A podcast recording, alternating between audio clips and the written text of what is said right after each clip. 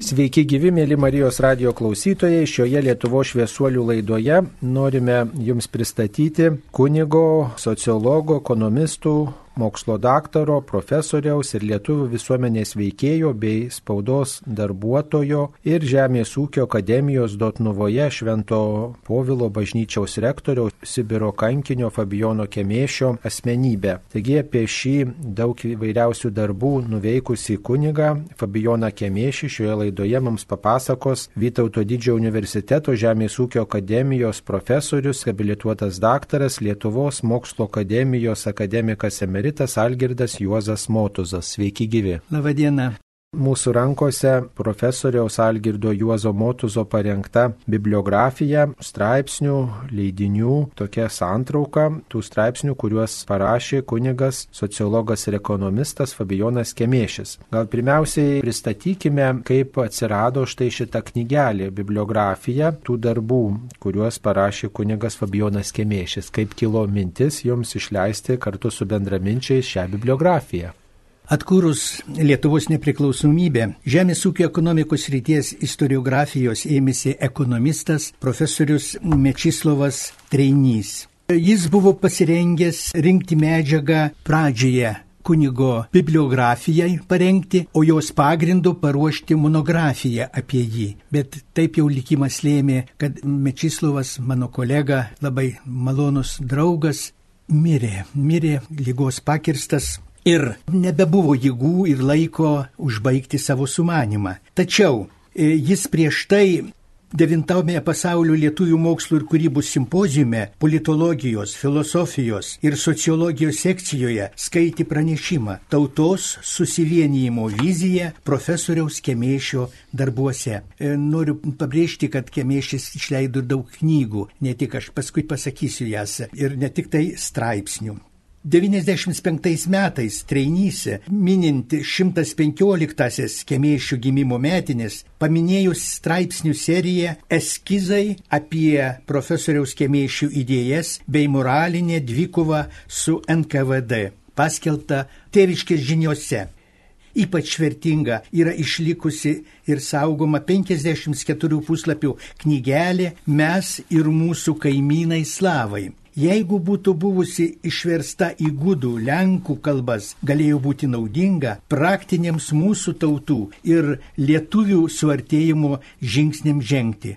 O gal dar nevėlų tai padaryti? Juk problema neišnyko, tik dar labiau paštrėjo. Kalbant apie studijos politinį vertinimą, matyti, kad NKVD tardytoje tiesiog šokiravo 1946-47 metų savartoje atrodžiusi utopiška kemėšių prognozė dėl Lietuvos, o ypač Baltarusijos nepriklausomybės atstatymu. Be to, čia autorius labai taikliai vertino ir 40-ųjų metų įvykius kaip Lietuvos aneksiją ir prievartinį susovietinimą.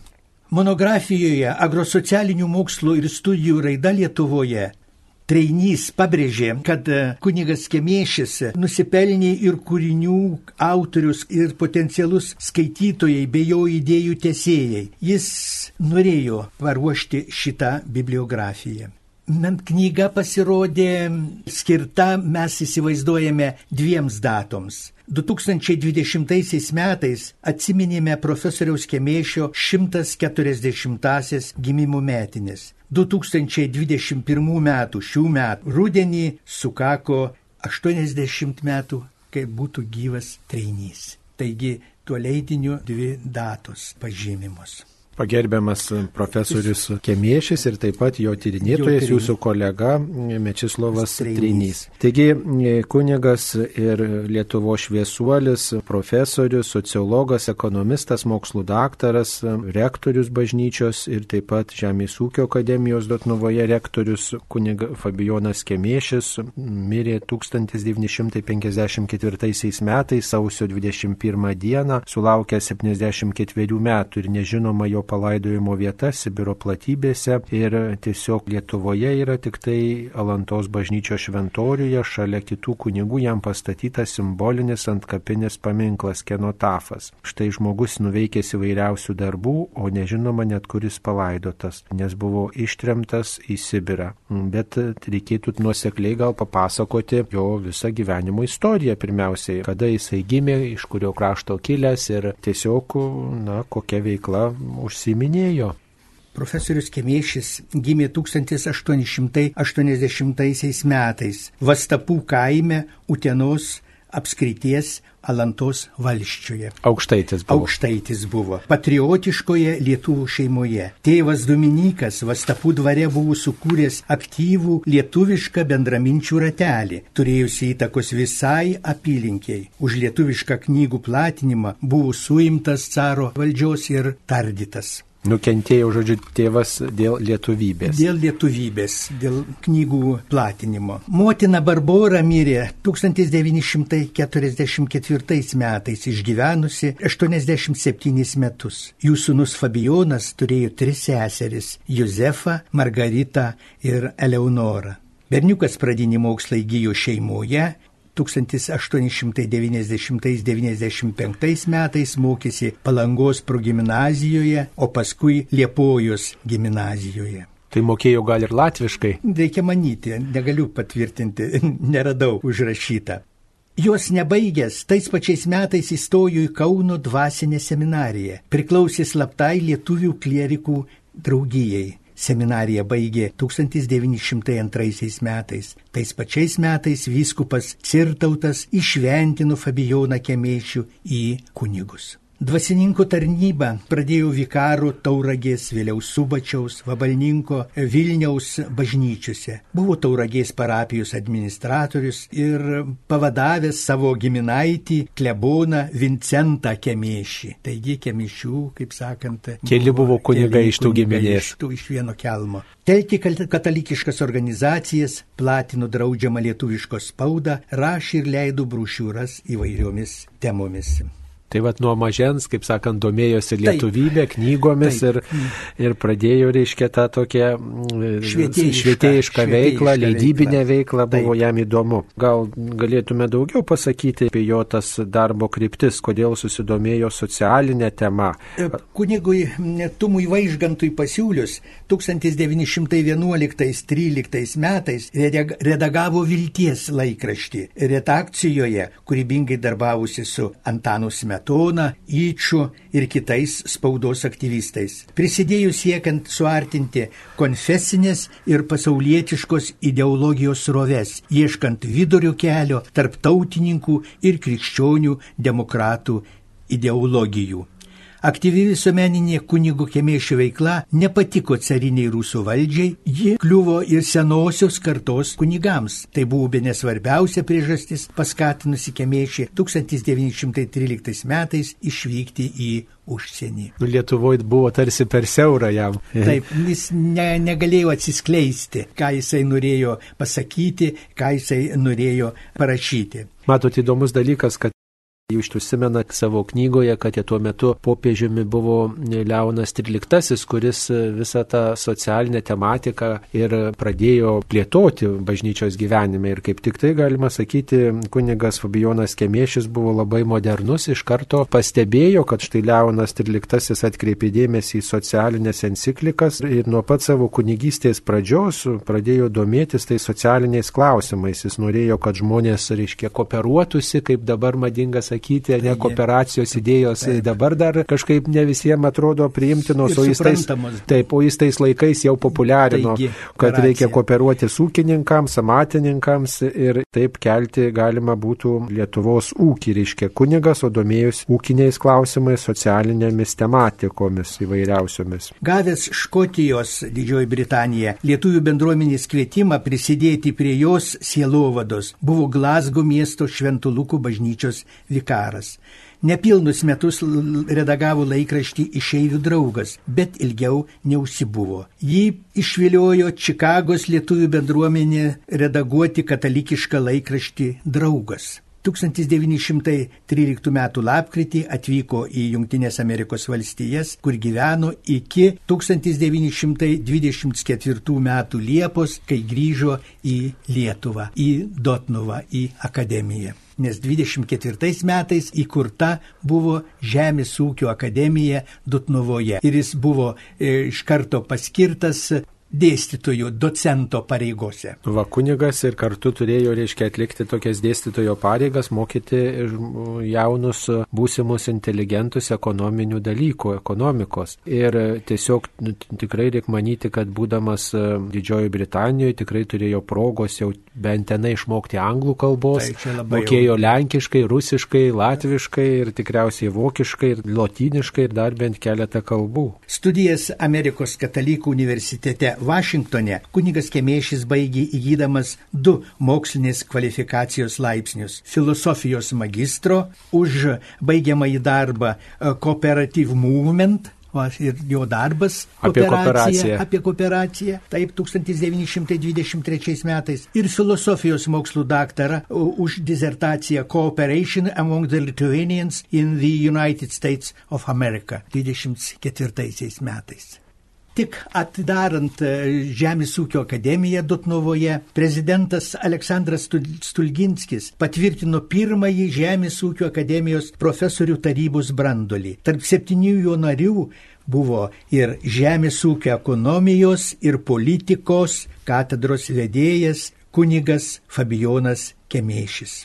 Tai jam ta, reiškia, žemės ūkio ekonomijos tematika buvo be galo svarbi, svarbi. Net, net jeigu ir dizertaciją parašė, kooperacija tarp lietuvių Junktinėse Amerikos valstijose, tai, tai reiškia ne tik tai ten ta kooperacijos idėja, kaip e, žemės ūkio, reiškia, kėlimas Lietuvoje. Lietuvoje svarbiausia Taip. jam rūpėjo. 1927 metais išrenkamas ekstraordinariniu profesorium, o nuo 28 metų, pabrėžiu, bendrosios ekonomijos katedros vedėjas padėjo. Jis ekonomistas buvo. Beje, dar jis buvo pirmasis Žemės ūkio akademijos bibliotekos vadovas. 1924-27 ir 42-44 buvo Švento Povilo apaštalo bažnyčios stovėjusios netoli Žemės ūkio akademijos rektorius. Dabar tos bažnyčios jau nebėra, kaip jūs ir minėjote e, prieš laidą, kaip kalbėjomės, kad sovietmečių šita tokia maža jauki bažnyčia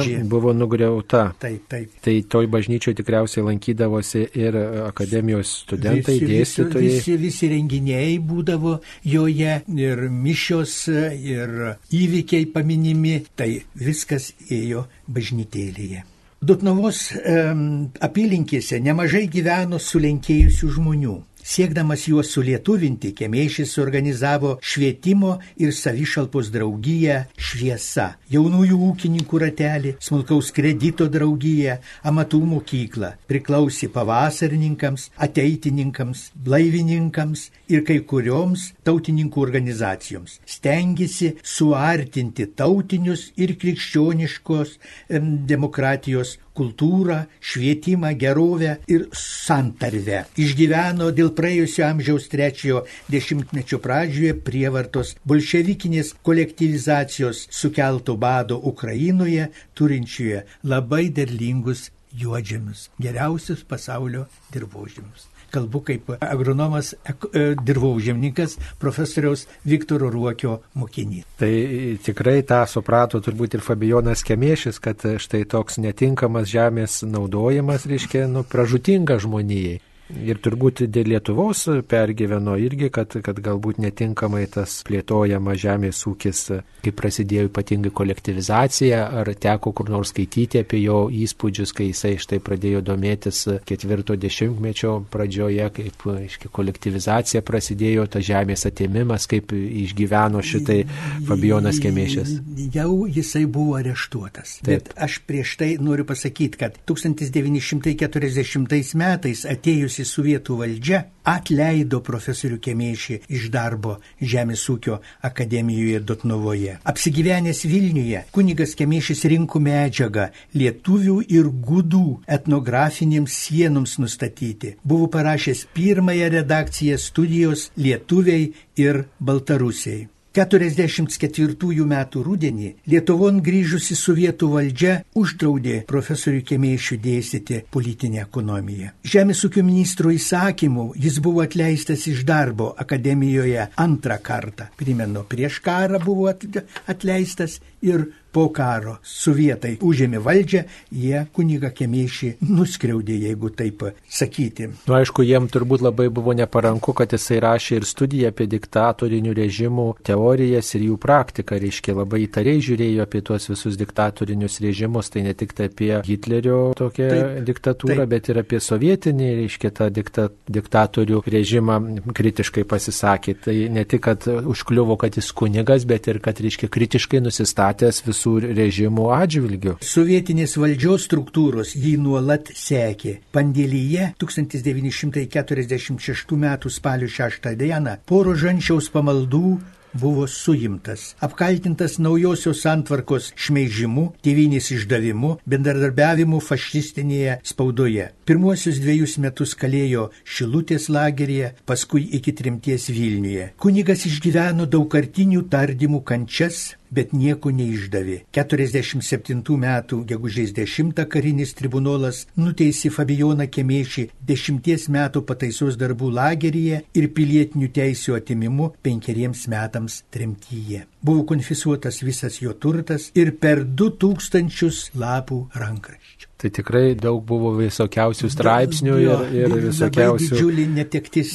šitie, šitas jo rankraštynas. Juk turbūt prieš karą nebuvo to laikraščio, kuriame jis nebūtų, nebūtų vienai par kitai pasiskelbęs. Juk rašė ir viltyje, ir vienybėje, ir ūkininkė, ir 20-ame amžiuje, ir naujame, naujojoje Romovoje, ir žydinyje, ir netgi katalikiškai leidyklai žinyje vadovavo, kuri paskui virto tokia propagandinė sovietmečio, propagandinė sovietinių tokių žinių propagavimo vieta, bet prieš karą tai buvo katalikiškos krypties leidykla, veikusi Kaune 20 45-40 metais. Tik atsitiktinumo dėka kratos metu saugumiečiai nesurado studijos krikščioniškosios ekonomijos likme rankraščio. Jį išsaugojo Pandėlio bažnyčios zakristijonas Makutėnas. 48 metais Fabijoną Kemėšį ištrimė į Sibirą. Na, o jūs jau minėjote apie jo mirtį. Taip, kad mirė 1954 metais, sulaukė 74 metų. Marijinskė Kemerovo srityje. Tai reiškia, e, Sibirė prabuvo šešerius metus. Ir, žodžiu, nežinoma jo palaidojimo vieta tiesiog žmogus sulaukė senatvės, garbingas profesorius, o mirė kaip tremtinys. Docentas Butkus dienovidyje 1994 metais rašė, net žmogui, nepažįstančiam nei krikščioniškojo ekonomikos mokslo, nei bažnyčios tėvų pareiškimų socialinio teisingumo klausimų, paskaičius Fabijono Kemėšio knygas, mus pasiekė žinia apie nepaprastai vertingą šios sudėtingų Lietuvai istorinių laikotarpių ekonomikos mokslininkams, ekonomikos politikams ir kiekvienam žmogui Fabijono Kemėšio veiklą. Kemėšis kritikavo kapitalizmą, skatino imtis amatų ir prekybos, per kooperaciją siekti krikščioniškosios vienybės, pirmasis Lietuvoje pradėjo sociologinius tyrimus ir juos skelbė Žemės ūkio akademijos metraštyje. Profesoriaus Treinių nuomonė, daugelis profesoriaus Kemėšių spausintų darbų, gausus rankraštynas atskleidžia jį kaip žymų publicistą, gilų ir nuoseklų mąstytoją, daugeliu klausimų pateikusi originalių vertinimų ir didelę dalimi pasitvirtinusių visuomenės raidos prognozių. Nūdienos sociologai jį įvardyja prieškario jaunosios kartos kataliku intelektualu. Na tai tikrai nepelnytai užmirštas žmogus kaip kunigas, kaip mokslininkas, kaip dėstytojas, ekonomistas, kuris įdėjo tokį nepaprastai e, svarbų indėlį į Lietuvos tokį intelektualinį ir ekonominį augimą. Jūs knygoje kartu su bendraminčiais esate suskaičiavęs, kad šis kunigas per visą savo gyvenimą parašė 40 42 knygas ir brošiūras, e, atliko tris vertimus ir parašė disertaciją apie kooperaciją tarp lietuvių Junktinėse Amerikos valstijose. Taigi 42 knygas parašyti, tai čia jau yra ką veikti. Viena pirmųjų jo knygų yra, kas įdomiausiai, apie alkoholizmą. Tai reiškia, buvo tas, kuris prisidėjo prie blaivybės plėtojimo. plėtojimo. Galima sakyti, 20. Aktyviai, labai aktyviai ir daugiau. Pirmoji knyga ir dar daugiau. Galima sakyti, Kovojo. savotiškas valančius buvo, Matėjus valančius 20-ame amžiuje. Tik kitame, tik kitų laikotarpių. Jeigu galima, aš noriu pasakyti, ta, tos 42 knygos, kaip pasiskirsto turiniu. 24 knygos yra socialinis, iš jų 11 blaivybės klausimų, 12 ekonominių ir 6 sakralinis paskelbė daugiau kaip 481 straipsnį, 359 socialinėmis, 34 straipsniai blaivybės irgi klausimų, 55 ekonominėmis, o tarp jų 23 skirti kooperacijai, 58 sakralinėmis ir 9 aukštojo mokslo temomis. Jo veiklos ir darbų viešasis vertinimas knygų, brošiūrų recenzijos, atsiliepimai apie jo paskaitas, pasisakymus yra publikuotas 920 spausdinių. Skaitytojas ras žinių apie išlikusius Lietuvos bibliotekose saugomus 34 profesoriaus rankraščius. Iš viso leidinyje pateikta 1480 bibliografinių aprašų. Aš labai noriu pasinaudoti progą ir padėkoti kolegiams, kurios padėjo parengti šitą bibliografiją. Dabartinio Vytauto didžiojo universiteto Žemės ūkio akademijos e, bibliotekos darbuotojams. Tai Rita Rimkienė ir Renata Aleškevičienė. Taip, štai tokia asmenybė, kunigas Fabijonas Kemiešis, kuris ne tik tai parašė 42 knygas, daugybę straipsnių ir e, atliko net kelis vertimus ir parašė disertaciją apie kooperaciją, e, o mirė kaip tremtinys, visų užmirštas, niekam nereikalingas, sovietų valdžios tiesiog nuskriaustas. Minėjot, kad rašė ir sakraliomis temomis. Būdamas kunigas tiesiog negalėjo e, nerašyti įvairiuose leidiniuose, kaip kunigas, kaip dvasininkas apie tikėjimą, apie dorą, apie gailestingumą, apie bažnyčios lankymą, kad darbai tiesiog neužgoštų tos svarbiausios kataliko pareigos lankytis šventosiuose mišiuose. Ir tiesiog atrodo žmogus kaip kunigas jau buvo nuo tos tiesioginės tarnystės tarsi ir nutolęs, tiek laiko skirdavo tiek studijoms ir darbininkų klausimais, ir apie žemės ūkį domėjosi, ir apie kooperaciją, ir apie socialinį klausimą, ir apie blaivybę. Ir vis tiek jis skirdavo laiko ir dvasiniams e, klausimams. Kunigas Fabijonas Kemėžys. Kas ir kaip galės išspręsti socialinį klausimą? Socialinis klausimas yra taip senas, kaip sena pati žmonija ir jos vargai. Gal tik rojuje prieš nusidėjimą jo nebuvo. Atsiradęs draugė su nuodėme, jis vargino žmoniją visais laikais. Materialinio ir moralinio skurdo ir išnaudojimų senovėje buvo net žymiai daugiau kaip mūsų laikais. O ir senovėje buvo jautresnės širdies ir sąžinės žmonių, kurie gyvai tas blogybės jausdavo ir ieškodavo kelių ir būdų joms nugalėti. Tačiau tik Kristaus dieviškasis mokslas atnešė žmonijai galingą šviesą, kurioje ir socialinė problema įgyjo naują dinaminį pobūdį. Krikščionių o ir visų kitų žmonių esančių Kristaus mokslo įtakoje, sąžinė nebegalėjo nurimti, nes meilės ir visuotinės brolybės mokslas niekaip nesitaikė su vienų skurdu ir pažeminimu, o kitų prabanga, lėbavimais ir masių išnaudojimu. Prasidėjo visuotinis vis platesnių sluoksnių sąžinės atbudimas. Ėjo reformos, mažėjo palengvas skurdas ir vargas, žmogus ėmė atgauti savo teises ir garbę. O vis dėlto XIX amžių krikščionių gyvenimo patyrimas įrodė teisingumą Kristaus pasakymo, jog vargšų visada tarp savęs turėsite, jog todėl tuščia svajonė būtų laukti čia tokio rojaus, kur visi jaustųsi patenkinti ir laimingi. Dar ir mūsų laikais be sklypių ir be žemių žmonių yra gana daug. Dar daug milijonų žmonių negali gauti darbo bei uždarbio ir priversti dairytis pašalpų ir pusbačiai gyventi. Dar pramoninės revoliucijos sudarytoji naujoji rūšis vergyjos, alginė vergyje, tebe vargina darbininkų pasaulį. Ir net jeigu kada žeminamųjų ir išnaudojamųjų skaičius ir sumažėtų iki minimumo, kada, vadinasi, socialinė problema būtų išspręsta ne tik teorijoje, bet ir gyvenimo praktikoje, vis tik dėl to ir tuomet žemės gyvenimas žmonijos nepatenkintų ir ji ilgėtųsi dangaus. Tokia jau žmogaus širdis. Šių dienų socialinė problema turi dvi pusės materialinę ir moralinę. Ši pastaroji yra net svarbesnė už pirmąją.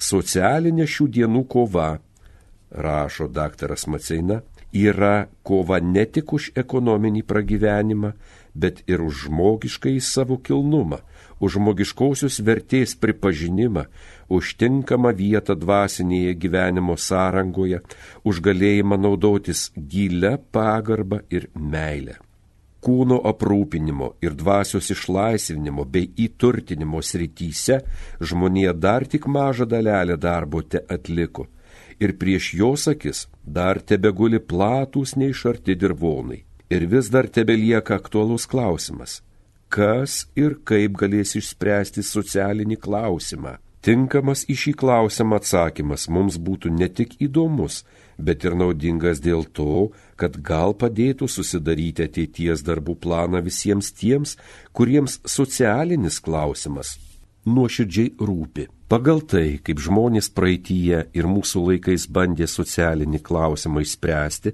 galėtume juos paskirstyti į dvi kategorijas. Į tuos, kurie atmeta visą antgamtinį gyvenimą ir socialinės problemos išsprendimą, taigi ir socialinį progresą, nori remti vien prigimtinėmis žmogaus jėgomis ir tuos, kurie, nepaneigdami žmogaus prigimties jėgų svarbos, mano, kad vien šiomis jėgomis žmonijai niekuomet nepasisektų socialinį klausimą išspręsti ir todėl reikia būtinai pasigauti jėgų iš viršaus, iš antgamtis ir kad tik susijungus prigimtasias jėgas su antgamtinė pagalba gali ateiti šviesa ir pasisekimas.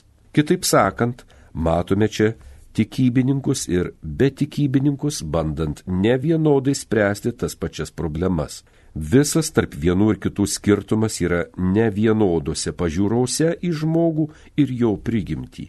Bet tikybininkai savo galvojimu ir darbų pagrindus deda patį žmogaus luomų faktą ir jo jėgas, kurios jiems atrodo visa galinčios. Todėl jie tiki į žmogaus prigimties jėgų neribotą progresą. Apie žmogaus dievišką kilmę, jo nelygstamą vertę ir jo galutinę paskirtį, bet tikybininkas, jeigu jisai yra nuoseklus ir sąžiningas žmogus, te gali pasakyti - ignoruojame. Visai kitaip supranta tuos dalykus tikybininkas.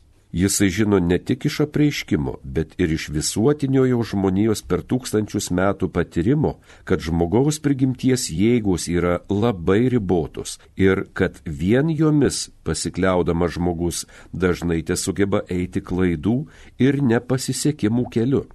O ir šiaip jau paprastų sveikų protų galvodamas žmogus prieina ne tik supratimą, kad Dievas yra, bet ir kad jisai davęs pradžią protingoms būtybėms, joms savo dievišką charakterį įspaudęs, negalėjo palikti jas ir be savo pagalbos bei globos. Belieka tik tos pagalbos norėti ir jos šauktis. Ir štai gaunamas žmogaus su jo kuriejų bendravimas ir bendradarbiavimas ir tik tuo pagrindu remiantis galimas asmeninis žmogaus stiprėjimas, progresas ir jo galingoji kūryba. Žmogus priartėja prie paties tiesos, grožio ir gėrių šaltinio. Čia jisai semėsi savo jėgų ir entuzijazmo. Dievas ir žmogus Kristus padarė tikrai dievišką įnašą į socialinių klausimų sprendimą. Jisai atnešė pagrindinius principus tam klausimui spręsti. Visa žmonija tai viena didžiulė šeima. Visi žmonės to paties dangiškojo tėvo vaikai, sukurti pagal jo paveikslą ir panašumą. visi tarp savęs broliai ir seserys. Visi atpirkti Kristaus krauju. Visų tas pats amžinasis paskirimas. Iš to aiški visų žmonių pagrindinė lygybė. Tačiau pagal nelygiai gautus talentus, nelygę neš atsakomybę ir nelygių turės pareigų Dievui ir artimui. Bet visiems bus privaloma progų lygybė ir visiems turės būti užtikrinta galimybė naudotis gamtos dovanomis tiek, kad galėtų padoriai pragyventi. Žmonės turės mylėti vienas kitą ir vienas kitam atleisti kaltes. Nelaimingųjų ir apleistųjų turės pasigailėti ir juos remti. Visi turės visų pirma ieškoti Dievo karalystės ir jo teisybės, nes Kristaus pažadu visa kita bus žmonėms pridėta. Jau antras tūkstantis metų, kai tasai meilės mokslas nuskambėjo Palestino žemėje. Buvo tai meilingas Dievo įsikišimas į žmonių reikalus, palaiminga dangaus pagalba žemė jos žmonių varguose. Per tuos šimtmečius jau pilnai paaiškėjo, kad Kristaus socialinė doktrina ne vien teoriškai ir ne vien žmonių sieloms yra racionaliausia ir kilniausia, bet ir praktiškajam žemės gyvenimui su visais jos ekonominiais, kultūriniais ir politiniais reikalais yra sveikiausia ir išganingiausia. Žmonija per tuos porą tūkstančių metų tiek vargo, tiek dėjavo, kiek ji nutoldavo nuo Kristaus mokslo. Kristaus mokslas tai buvo raktas, kuriuo einama į vargų paslapti tam, kad juos apvaldžius, sumažinus ar ir visai išvijus. Tad pirmoji socialinė tiesa, kuri per tą šimtmečių laiką pilnai paaiškėjo, buvo toji, jog šalia Kristaus mokslo nėra ir negali būti sėkmingo socialinio klausimo išsprendimo. Jis sukūrė įstaigą, savo bažnyčią, jai pavedė ir dalyti žmonėms ant gamtinės pagalbas šventuosius sakramentus, kad žmonės savo darbuose, kovose ir varguose nenusilpnėtų. Bažnyčia todėl ne tik nevengia socialinių klausimų, bet laiko savo ir teise, ir pareiga padėti žmonėms tą klausimą spręsti. Bažnyčios vieta yra tenai, prie barikadų. Deja, barikados yra. Ir ne tik tam, kad bažnyčia eina į socialinių kovų sūkurį ir kaip pamintų žmogaus teisų gynėja ir kaip auklėtoja, primenanti pareigas ir kaip gailestingoji motina globojantis skriaudžiamus savo sūnus ir dukteris, bet už vis labiau kaip gelbėtoja ir valdovė žmonių sielų. Juk be meilės negali būti netikro teisingumo. Negalima visada būti tobulai teisingu ir padoriu, jeigu nebūsi visų pirma pilnas meilės. Tai psichologinis dėsnis, kurį lengva patikrinti. Teisingumas neišsilaikys ilgai ten, kur neviešpatauja meilė. Tai socialinė tiesa, žinotina kiekvienam socialinio klausimo tyrėjui. Yra toji, kad bažnyčios dalyvavimas socialinės problemos sprendime yra būtinas. Kristaus paskelbtieji socialiniai principai tai iš dangaus kritę į žemę šviesos spinduliai, nušvietė žmonėms jų gyvenimo ir darbo kelią. Tačiau pagal tuos principus nustatyti realų į gyvenimą, jais remiantis sudaryti juridinės bei socialinės gyvenimo normas, sustatyti socialinės ir politinės veiklos programas ir visą tai įvykdyti gyvenime, Kristus paliko patiems savo pasiekėjams, krikščionims. Bažnyčia visiems jiems padeda savo mokomąją, auklėjamąją ir pastoracinę veiklą. Dievo sūnus ateidamas į žemę atneši žmonėms tikrai dievišką receptą jų lygoms ir vargams. Tai jojo meilės, teisingumo ir visuotinės brolybės socialiniai principai. Kristaus bažnyčia, stovėdama dieviškojo mokslo sargyboje, globodama ir vesdama žmonių sielas, kart kartėmis pagal laiko reikalavimus pakelia savo autoritetingą į balsą, primindama žmonėms Kristaus doktriną ir nurodydama pastebėtus nuo jos nukrypimus. Be to kunigai ir vienuoliai savo religinio paštalavimu ir savo pastoracinę raidą ugdo ir skleidžia meilės dvasę, kuri būtina yra socialiniai problemai išspręsti. Socialinių mokslų darbuotojai Dieviškojo mokslo žibintais nešini tyria ne tik visus žmogaus prigimties jėgų reiškimusi faktus, bet ir visus aukštesnius žmogaus sielos poreikius. Taip pat ištiria visą taip praeities, taip dabarties socialinių santykių kompleksą ir numato pageidaujamą tų santykių raidą ateičiai. Tuo būdu jie padeda mokslinius praktiškams socialinės problemas įsprendimui pagrindus. Pagaliau auklėtojai, politikai, visuomenininkai ir ypač kooperatininkai savo veikimo srityse praktiškai vykdo tai, ką mokslinė teorija bus išaiškinusi. Dvasininkams skirtas garbingas uždavinys gaivinti ir palaikyti krikščioniškos meilės atmosferą, be kurios absoliučiai negalimas yra socialinio klausimo išsprendimas. Nuo pat Kristaus laikų eina kova tarp meilės ir neapykantos. Istorija žino momentų, kada kai kuriuose kraštuose neapykanta imdavo laikinai viršų. Tie kraštai skęsdavo ašarų ir kraujo jūroje. Revoliucijos keliu, kaip sako Antanas Maceina, socialinė problema negali būti išspręsta. Revoliucija visada yra keršto ir neapykantos išsiveržimas. Socialiniu atžvilgiu tai reiškia norą velnę išvaryti Belzebubo pagalba. Socialinė problema gali būti išspręsta tik nuolatinė evoliucija ir reikalingomis reformomis, visų pirma žmogaus dvasios viduje, o paskui išviršinėje santvarkoje.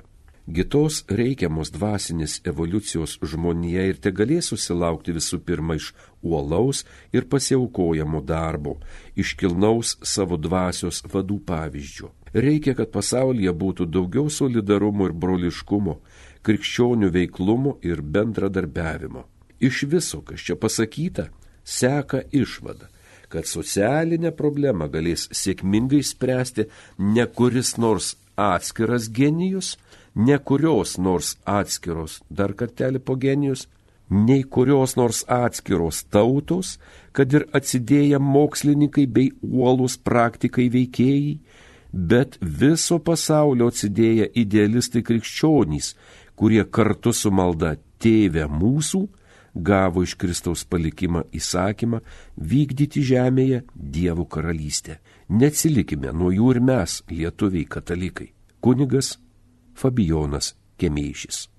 Dabar mes atsisveikiname su bibliografija apie Fabijono Kemiešio leidinius parengusiu ir šioje laidoje dalyvavusiu Vytauto didžiojo universiteto Žemės ūkio akademijos profesoriumi, habilituotu daktaru, akademiku emeritu Algirdu Juozu Motuzu, kuris pasakojo apie tremtinį kunigą, sociologą, ekonomistą, mokslų daktarą bei profesorių Fabijoną Kemiešių, kuris mirė 1954 metais Sibirė ir ten yra palaidotas palaidotas, dėja jo palaidojimo vieta nėra žinoma, tačiau jo atminimui Alantos bažnyčio šventoriuje pastatytas simbolinis paminklas kenotafas. Dieve, suteik amžiną džiaugsmą savo tarnui Fabijonui, kuris taip plačiai rūpinosi Lietuvos švietimu, Lietuvos ekonominiu pakilimu ir dvasiniu gyvenimu. Tegul tas rūpestis mūsų tėvynė, rūpestis artimu ir tiesos ieškojimas būna ir mums visiems artimas. Ačiū, sudė.